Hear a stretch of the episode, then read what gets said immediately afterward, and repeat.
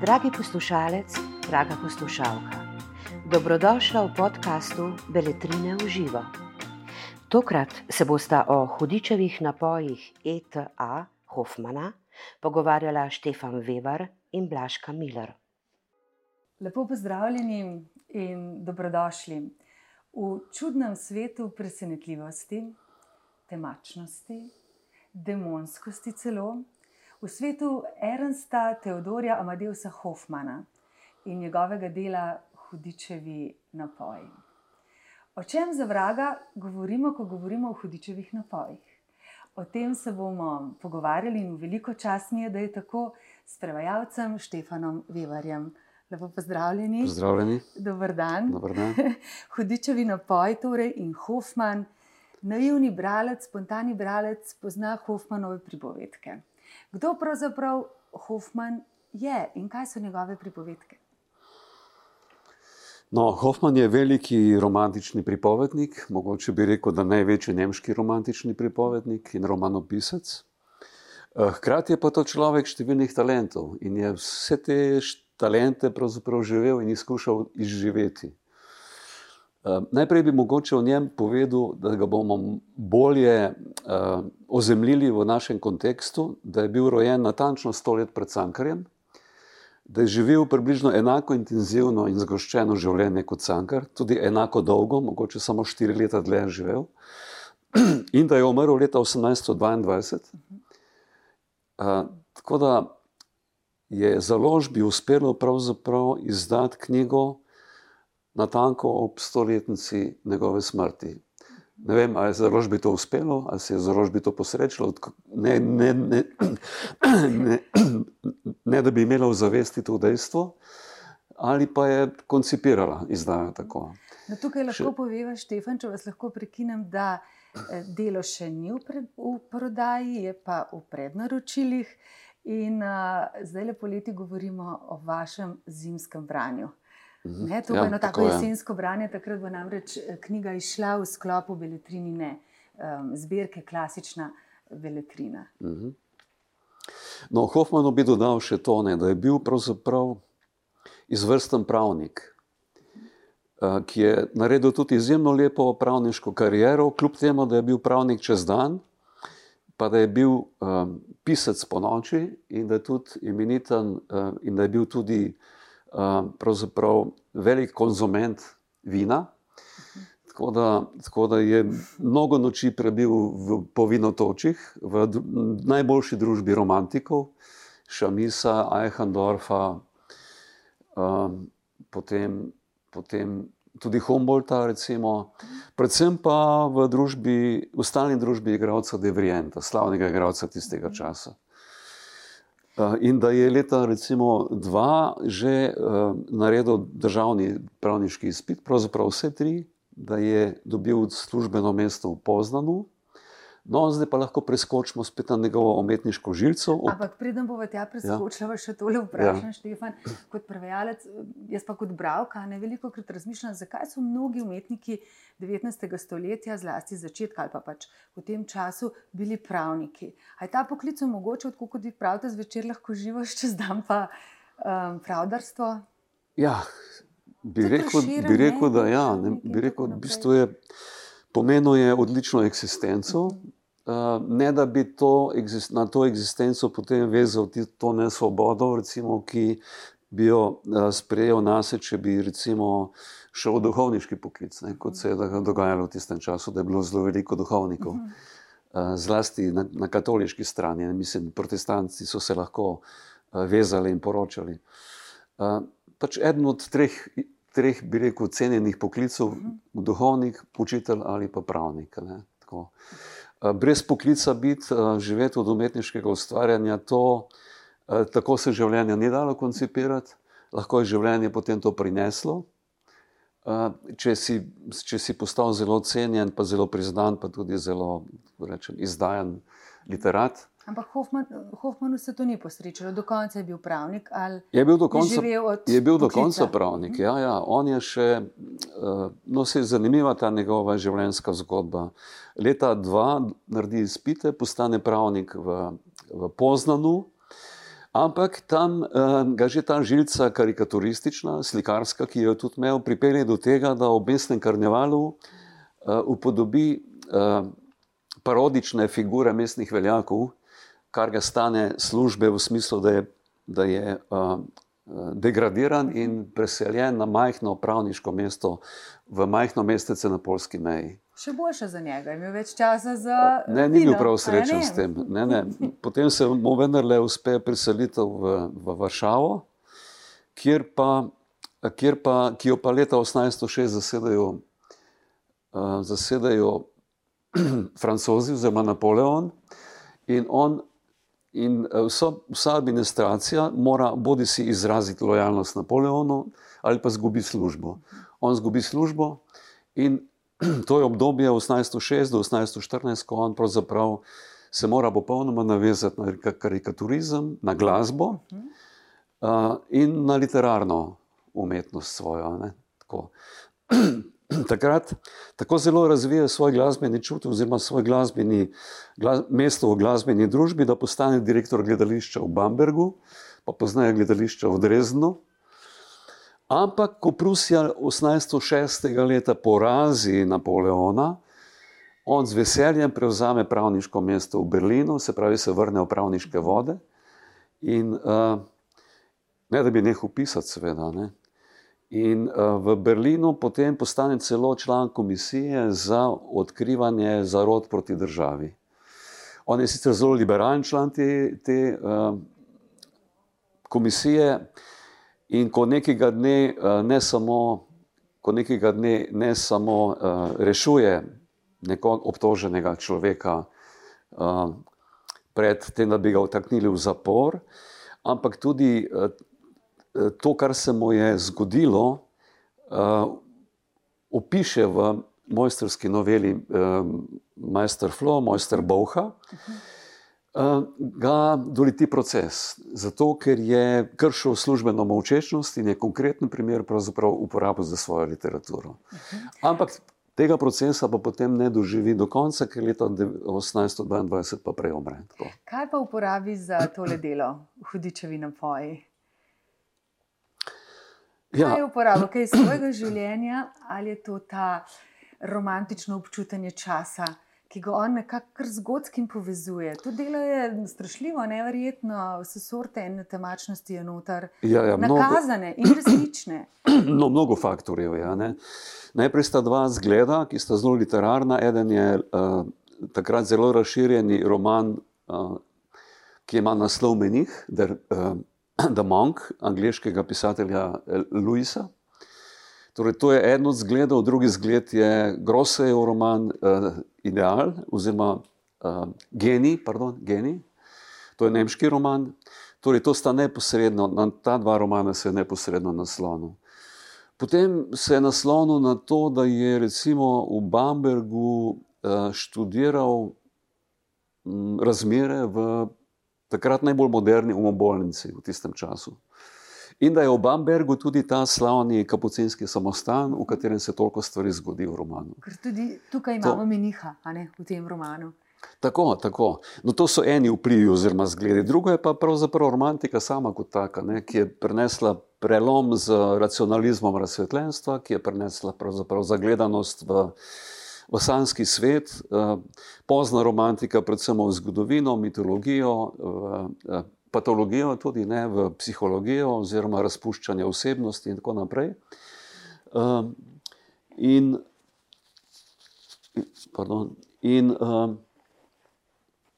tudi je ta roman izraz črne romantike. Ne? To pomeni tistega dela romantike, ki je obravnavan pojme, kot so satanizem, demonizem, uh, potem konkretnejše pojme, recimo posilstvo, incest, uh, vprašanje greha umori in tako naprej. Veste, se... kaj, kaj me bega, Štefan, ne govorite o vseh teh strašljivih stvarih in dejansko jih najdemo v tem romanu. Vse čas nas previva neko zlovešče vzdušje, ampak po drugi strani pa kontrastira s takimi prikupnimi opisi prikupne narave, mm -hmm. tisto mehko Nemčijo, valovanje trav, ja, eh, ja, ja, grički, ja. gozdovi. Ne, in to res ustvarja eno posebno vzdušje, mm -hmm. da ne veš, pri čem si. Ja, Saj, jaz se nisem znašla takoj. Ja, res je, res je. No, zlasti pa mogoče ob tem uh, slikovitem jeziku, ne, v katerem to upodobi, je bil umenjen še kot zelo močan faktor, nekakšen magnetični suspens, ki te pelje, bralca skozi ta roman. Ker roman je napisan, čeprav so to, bi rekel, fiktivni spomini, uh, fiktivna autobiografija meniha. Ne, tako, uh, pa vendarle ni napisana tako kot uh, z, z, z perspektive vsevednega meniha, ki zdaj za nazaj razlaga stvari, ampak tako, kot se stvari dogajajo v tistem trenutku. In to bralca zelo vleče. Tle je izjemno veliko suspenza, tako da je to ena od dražij romana. Uh, Kar pa zadeva opise, pa je, uh, moram reči, da so na nek način z, še precej posplošeni. Ne. Tukaj ni teh uh, poglabljanja v detajle, ki bi potem tudi prevajalcu recimo, malo olajšalo delo. Zato, ker če uh, pisec zelo jasno opisuje detajle, potem lahko ti jih vidiš pred sabo in potem imaš večjo galerijo izrazne, izraznega bazena, zato da jih posežeš po njih, oziroma da jih nekako ekvivalentno izraziš. Tako da tukaj je tudi nekaj uh, problemov, no, prevajalskih v tem No, smislu. o prevajalskih problemih se bomo še pogovorila. Prej me zanima ta beseda, ki ste jo uporabili, draž. Um, roman je, je provokativen, je ne? ampak opisuje pa ta pater, ne menih, pa tudi kar nekaj dražestnih žensk. Mhm. In tukaj eh, je Hoffman, bom rekla, ne, kot avtor uporabil res celo kupico nadrobnosti, Mhm. uh, kako je kakšna držala glavo, kakšno upravo je kakšna imela v kakšni priložnosti. Mhm. Uh, kakšen je bil ta Hoffmanov odnos do žensk, pa kakšen je bil vaš do teh uh, Aureli in Eufemi in knjigi in princes ki se, in svete rozalije, ki se pojavljajo v tem delu. Ja, ja. ja, to je bil kar, kar problem in kar težek zalogaj. Zato, ker eh, se pravi, vi pravite, ti detajli, am- da so, da so izrisani uh, dosta nazorno. Uh, za, moj za mojo prevajalsko radovednost premalo nazorno, da bi bilo to razmeroma enostavno prevajati. Ne. Eh, Čeprav so seveda eh, vse ženske zelo prikupno opisane, ampak eh, v, zelo veliko je podobnosti v teh opisih. Tako da, eh, tako da eh, jih je, bi rekel, celo več, kot pa individualnih diferenc med, med njimi.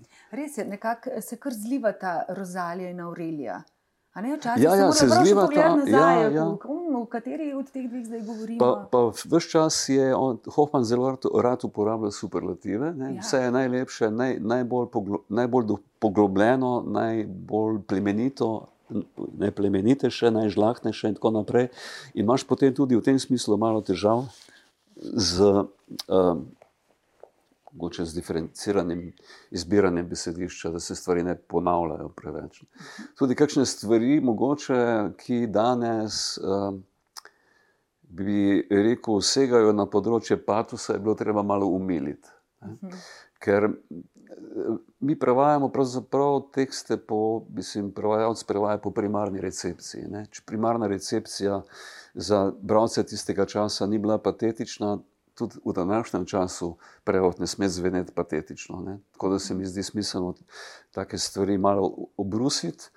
Hkrati pa ne so, da so patino oduzeti, ne pa roman prevesti na način modernega romana 20. stoletja. To pa spet ne bi šlo. Kako zanimivo to pripovedujete, ker sama sem se spraševala, um, kakšnemu tipu človeka je pravzaprav ta roman, um, kakšni mentaliteti je lahko še všeč, še privlačen. Ker takšnim ljudem, kakršni smo zdaj, je mogoče ta roman res nastal v nekem času, ki je oddaljen glede mentalitete, glede občutanja stvari. Ne, ne, samo jaz mislim, da izjemno vleče s svojim kaj. ne. Tisti tudi ljudje, ki radi berejo kriminalke, trilerje, eh, postalovske romane in tako naprej, bodo to z veseljem vzeli v roke, ker jih bo zanimalo, kaj se je zgodilo potem. ne. Eh, mo- Mogoče je to tip bralca, ki ga manj zanima, kako, kot pa kaj. Ne. Se pravi, ne kako je zdaj avtor nekaj povedal. Ne. To mogoče raj, pre, raj, mislim, to prej prezrajo, kot pa, prezrajo, eh, kot pa eh, z prežeti z radovednostjo, uh, ugotavljajo, kaj je naslednji korak, ki ga je storil menih. No, menih je storil marsikateri korak. Ja, Kakšni ja. koraki so bili prav taki neverjetni. Mhm. Um, določene korake pa naredil kot njegov dvojnik. Ja, ta relacija je precej zabrisana in tudi ne moreš popolnoma jasno določiti, uh, uh, jasno razloži- razložiti meje med dvo, dvojnikom in med njima. Ne, tem To je tudi romanu. eden izmed motivov ne, te, Absolutno, tega absolutno. romantičnega načina ne, ja, ja. takratnega ustvarjanja. Ampak Štefan, čisto na začetku, en, en tak poriv vsemu pa. Da ali ne dajo hudičevi napoj, tisto, kar Ja. odkrijejo v tisti skrinji, v, v samostanu, Mhm. neko steklenico, jo odmaši, začuti en Ja. čuden ja. von, eno mamo. Um, en dileri se zgodi, kot da bi postal zmešan, po domače povedano. Ja, takrat v bistvu on je, on je zaznamovan s prekletstvom družinskim. In to prekletstvo bi verjetno latentno ostalo v njem, če ne bi se prebudilo ob, ob kodičevih napojih, ne. Ob tej uh, eliksirju svetega Antonija, kot je pač to tam opisano. Uh, pravzaprav on, ko poseže po napoju, poseže zaradi v bistvu nekega grešnega nagiba. In ta grešni nagib je pa njegova nečemrnost. Ne. On postane izvrstni pridigar. In ko izgubi pridi- in postane zelo uh, zagledan vase, postane totalen narcis ne, in vse podredi temu narcisizmu. Ko pa izgubi dar pridigarstva, pa ne more več živeti, takrat pa poseže po napojih. Ne. Se pravi, da so napoji neke vrste, uh, bi rekel, ta prav. Pravi pra izvirni greh v nas, ne, ki ga lahko na ta način, ko, eh, ko posežemo po prepovedanem sredstvu, obudimo.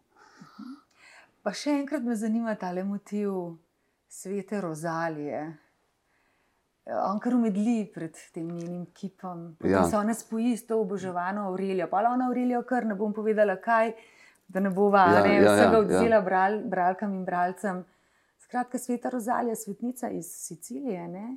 Ja, Originalno, ja, ja, izvorno. Ja, ja. okronana z vencem belih vrtnic. Ja, smo pač v, v dobi romantike. Ja, ja. je, No, v, bistvu, v bistvu gre tu za prehajanje uh, oboževanja osebe v, na področje svetništva. Ne. Tukaj je, se vse prepleta eno z drugim. Uh, religiozna zazrtost in ljubezenska omama, tukaj ni pravih jasnih mej med obema. In uh, ja, to je nekako zelo, zelo prepleteno. Kateri je bil pa tisti uh, lik, ki je bil vam najbolj všeč, vam kot Štefanu in vam kot prevajalcu? To bi pa težko odgovoril na to vprašanje. Eh, Mogoče je Belkampo, no, bom tako Aha. rekel. Zato, ker nekako raz... Lepo polski ste Lepo polski. prevedli. ne? Ja, ja, ja, ja. Schön, Belcampo. schön Leben je to pač po nemško. Mhm. Imel je dve, dve imeni, italijansko in nemško. Eh, Zato, ker nekako on nastopa kot nekakšen, uh, po eni strani klovn, po drugi strani pa uh, zelo etična oseba, ki uh, po svoje izravnava, uh, izravnava vse zablode, skuša pomagati glavnemu junaku in popravljati njegove zablode, in to na en tak, bi rekel, groteskno humoren način. Tudi sicer je kar nekaj groteske v tem delu. Ja. Vem, da v enem trenutku Hoffman ne, kot avtor omenja eh, bebavi eh, marionetni svet. Mhm. Ali je Hoffman tako svet občutil, tudi videl z enim cinizmom, z um, grotesko. Ker eni liki so res pasni. No? Ja, ja so, so, absolutno. Ja. Težko rečem, vse v bistvu, vem, mislim, da, mislim, da je bil marionetni svet del njegovega sveta. Ne, ne na zadnje je to, uh, se poznamo njegov motiv, motiv. Študent se zaljubi v Ludko, ne, ki je samo eh, v bistvu, ki je samo stoji v, v, v, v izložbi. Naprimer. Tako da uh, svet ljudski je bil tudi njegov svet. Tukaj bi rekel, da ni on imel neke distance ali da, neke, da ni tega področja kritiziral direktno, oziroma ni imel uperjene kritične osti uh -huh. zoper to polje. Uh, ne, ne, to bi rekel, da ne. Mislim, da Uh, to, da je bil Belkampu tudi Ludkar v nekem trenutku, uh, je samo v bistvu neke vrste popestritev romana. Roman je zelo pester. Zdaj me pa zanima, v katerem času in v katerem svetu pa vi živite. Hmm. Kot prevajalec se potapljate marsikam. Ja, seveda. Mislite, kako kot oseba? Kot oseba, kot prevajalec, kako, kako delate? Se usedete vsak dan, greste k Hofmanu. Ne, sem Hofmana oddal že pred pol leta, zato sem moral prav zdaj, ker sem vmes še en drug prevod naredil, zdaj le malo osvežiti te, te svoje vezi z njim. Drugač pa metoda je bila, recimo, jaz, podobna kot pri drugih prevodih. Jaz sem ta tekst eh, šel štirikrat skozi, prvič, prvič ga prevedem toliko, kot ga pač najboljše moram.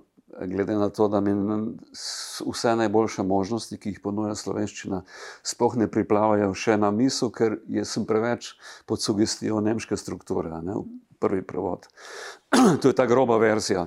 Ta druga verzija je pa potem uh, čiščenje, oziroma uh, dokončna preoblika strukture v slovensko. Ne? Tako da želim, da bi, da bi prevod zadihal slovensko, da bi se nekako nehalo zdeti, da je preveden, da bi postal avtentičen košček uh, literature.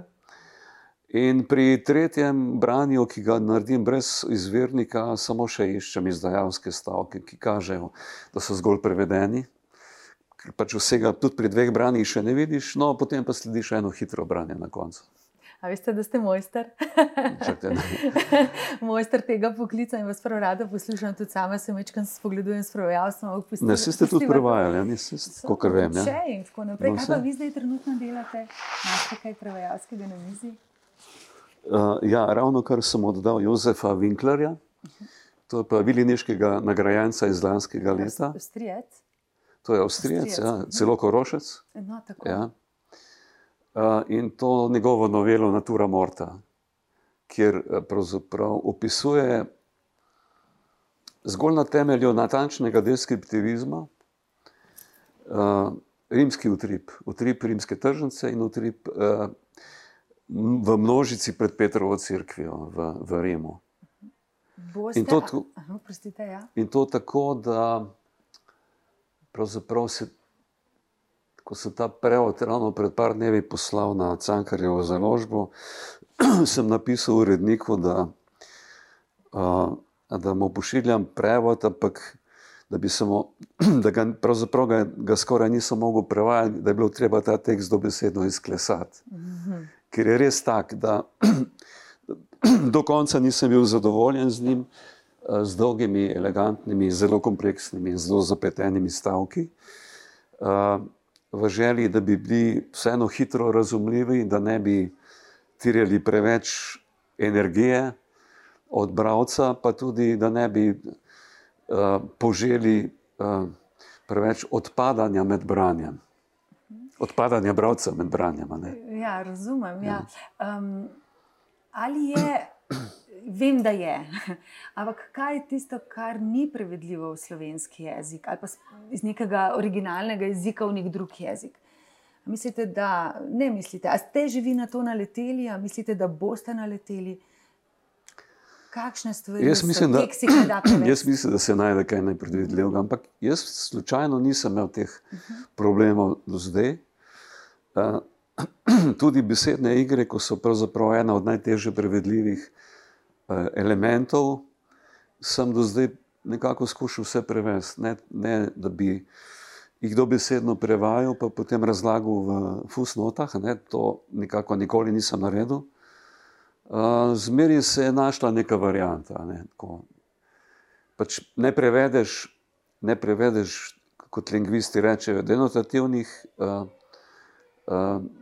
pomenov, ne, to se pravi tistih, ki so v slovarju, stojijo desno od besede, ne, do besednih, ampak to žrtvuješ, zato pa greš v konotacijo, kaj, kaj je želel in kako do te konotacije priti z drugimi sredstvi. To se marsikje da, tudi tam, kjer se včasih vidi, da je nemogoče. Ne. Se ukvarjate tudi s teorijo prevajanja? Ja, ja. To se sliši. in potem ja. še nekaj. Um, Menih Medard v, v nekem trenutku opisuje sebe, ne, nečimeren, kakršen je, kot uh, govori o sebi kot o človeku nagnjenem k, k kontemplativnemu um, življenju. Ali je prevajalec nagnjen k kontemplativnemu življenju? Posoje, ja. Mislim, da ja. Uh, prevajalec je tip človeka, ki, uh, ki, ki živi v, v, v svojem miselnem svetu veliko drugih življenj skozi knjige, ki, s katerimi se ukvarja. Ne samo kot bralec, ampak tudi kot uh, najnatančnejši bralec. Ne? To je pač prevajalec. Uh, smo v tej vlogi, da moramo izraziti pre, prebrano, in takrat se marsikdaj pokaže, ali smo res dobro razumeli prebrano ali ne. Se pravi, prevajalec je ta, ki naj razume. ja, ja, pa ne samo to, mora tudi znati artikulirati, kar je razumel. In pri tem uh, razumevanju se včasih pokaže, da pri, tem, pri tej artikulaciji se včasih pokaže, da je razumel narobe ali pa da je razumel slabo. Ker prevedeno ne deluje, pa ne veš točno, zakaj ne deluje. Potem pa začneš globlje iskati v tekstu in vidiš, da pravzaprav je mm, v globini avtorjevega razmisleka še neki, neka druga črta pomembnejša. Se pravi, prevajalec mora biti ne le občutljiv, ampak tudi načiten in pameten človek. Kaj pa no. romantičen, mora biti romantičen, če prevaja Hofmana? Ja, gotovo, da mu koristi. Je vam koristila? Ja, po svoje. Čutim, da ste romantik. Čutite. Ja, ja, jaz sem se skopal na kar dobro, dobro ujel se mi zdi. Lepo. Um, najlepša hvala vam za prevod. Z veseljem. Z, z veseljem sem ga uh, brala in prebrala in veliko krat, ali pa nekajkrat, tudi na glas. Aha. Čudovito teče. Um, veseli. Hvala vam tudi za tale pogovor.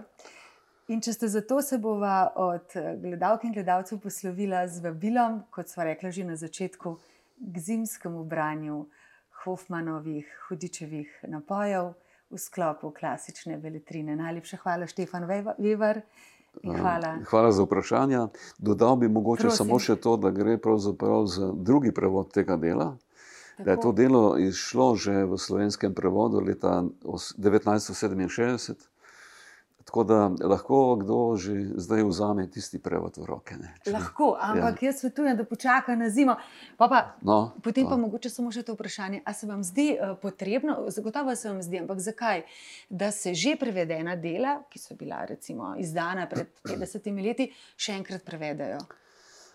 Uh, ja, to 50 let je nekakšna magična meja. Mhm. Sicer je malo na pamet postavljena, ampak je neka meja, uh, ki. Eh, nekako se predpostavlja, da v 50 letih jezik doživi nek razvoj. Ne? Da se lahko zdajšnjo eh, dikcijo bolj približaš sodobnemu bralcu, če to prevedeš na novo, kot pa da vzameš samo star prevod. Zdi se mi, Štefan, da se kar ne moramo posloviti, ampak se moramo. No, Najlepša hvala še enkrat. Vam tudi za vprašanje. Hvala ja. lepa tudi vam. Najlepša hvala za vašo pozornost.